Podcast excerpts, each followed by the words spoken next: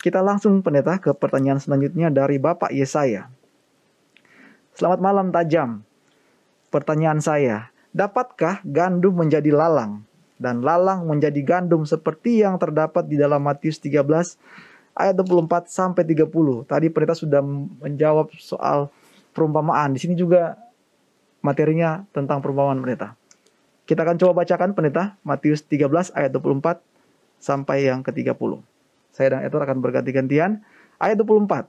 Yesus membentangkan suatu perumpamaan lain lagi kepada mereka. Katanya, Hal kerajaan sorga itu seumpama orang yang menaburkan benih yang baik di ladangnya. Tetapi pada waktu semua orang tidur, datanglah musuhnya menaburkan benih lalang di antara gandum itu, lalu pergi. Ketika gandum itu tumbuh dan mulai berbulir, nampak jugalah lalang itu. Maka datanglah hamba-hamba Tuan ladang itu kepadanya dan berkata, Tuan, bukankah benih baik yang Tuan taburkan di ladang Tuan? Dari manakah lalang itu? Jawab Tuan itu, seorang musuh yang melakukannya. Lalu berkatalah hamba-hamba itu kepadanya, Jadi, maukah Tuan supaya kami pergi mencabut lalang itu? Tetapi ia berkata, Jangan, sebab mungkin gandum itu ikut tercabut pada waktu kamu mencabut lalang itu. Biarkanlah keduanya tumbuh bersama sampai waktu menuai. Pada waktu itu aku akan berkata kepada para penuai, kumpulkanlah dahulu lalang itu dan ikatlah berkas-berkas untuk dibakar. Kemudian kumpulkanlah gandum itu ke dalam lumbungku. Demikian Pak Pendeta. Uh, terima kasih. Jadi pertanyaannya tadi adalah dapatkah dapatkah gandum menjadi lalang dan lalang, lalang menjadi, menjadi gandum? Uh, dari segi apa namanya agriculture uh, itu mungkin keajaiban ya. Waktu ditanam adalah lalang, lalu semua lalang tiba-tiba berubah menjadi gandum atau yang ditanam adalah gandum, maka lalu kemudian berubah menjadi lalang itu keajaiban. Sebab itu bergantung dari benih yang ditanam. Uh, Yesus menerangkan makna dari perumpamaan ini. Kita boleh baca maknanya masih di dalam Matius pasal yang ke-13 juga ayat yang ke-36 sampai 40 Tuhan Yesus menerangkan makna dari perumpamaan ini. Saya baca, maka Yesus pun meninggalkan orang banyak itu lalu pulang. Murid-muridnya datang dan berkata kepadanya, "Jelaskanlah kepada kami perumpamaan tentang lalang di ladang itu." Ia menjawab katanya, "Orang yang menaburkan benih baik ialah anak manusia atau Tuhan Yesus. Ladang ialah dunia. Benih yang baik itu anak-anak kerajaan dan lalang anak-anak si jahat. Musuh yang menaburkan benih lalang ialah iblis. Waktu menuai ialah akhir zaman. Dan para penuai itu malaikat.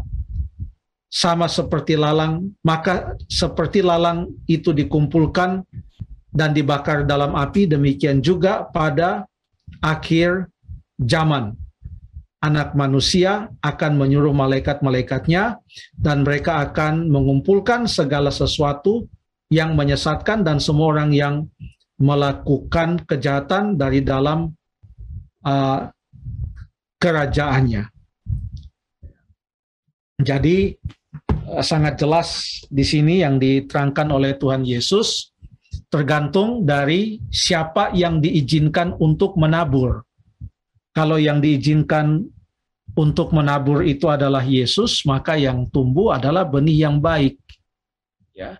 Jadi supaya kita bisa menjadi gandum, maka biarlah kita mengizinkan supaya Tuhan Yesus bekerja dari awal lagi dalam hidup kita. Makanya orang yang uh, percaya kepada Tuhan Yesus seperti yang diterangkan oleh Tuhan Yesus kepada Nikodemus di dalam Yohanes pasal yang ketiga mengatakan engkau harus dilahirkan kembali. Artinya harus ada permulaan yang baru yang dimulai bersama-sama dengan Tuhan Yesus. Permulaan yang baru. Dalam hal ini, maka kalau kita mau supaya kita termasuk dalam bahagian gandum, maka biarlah kita membiarkan Tuhan Yesus untuk memulai sesuatu yang baru di dalam kehidupan kita. Dan ini adalah pilihan. Apakah kita mau supaya membiarkan Tuhan Yesus memulai suatu kehidupan yang baru di dalam kehidupan kita dan kita akan bertumbuh sebagai gandum dengan menghasilkan hasil yang berlipat kali ganda. Ya. Itu yang boleh saya sampaikan dan Tuhan Yesus menerangkan seperti itu. Terima kasih.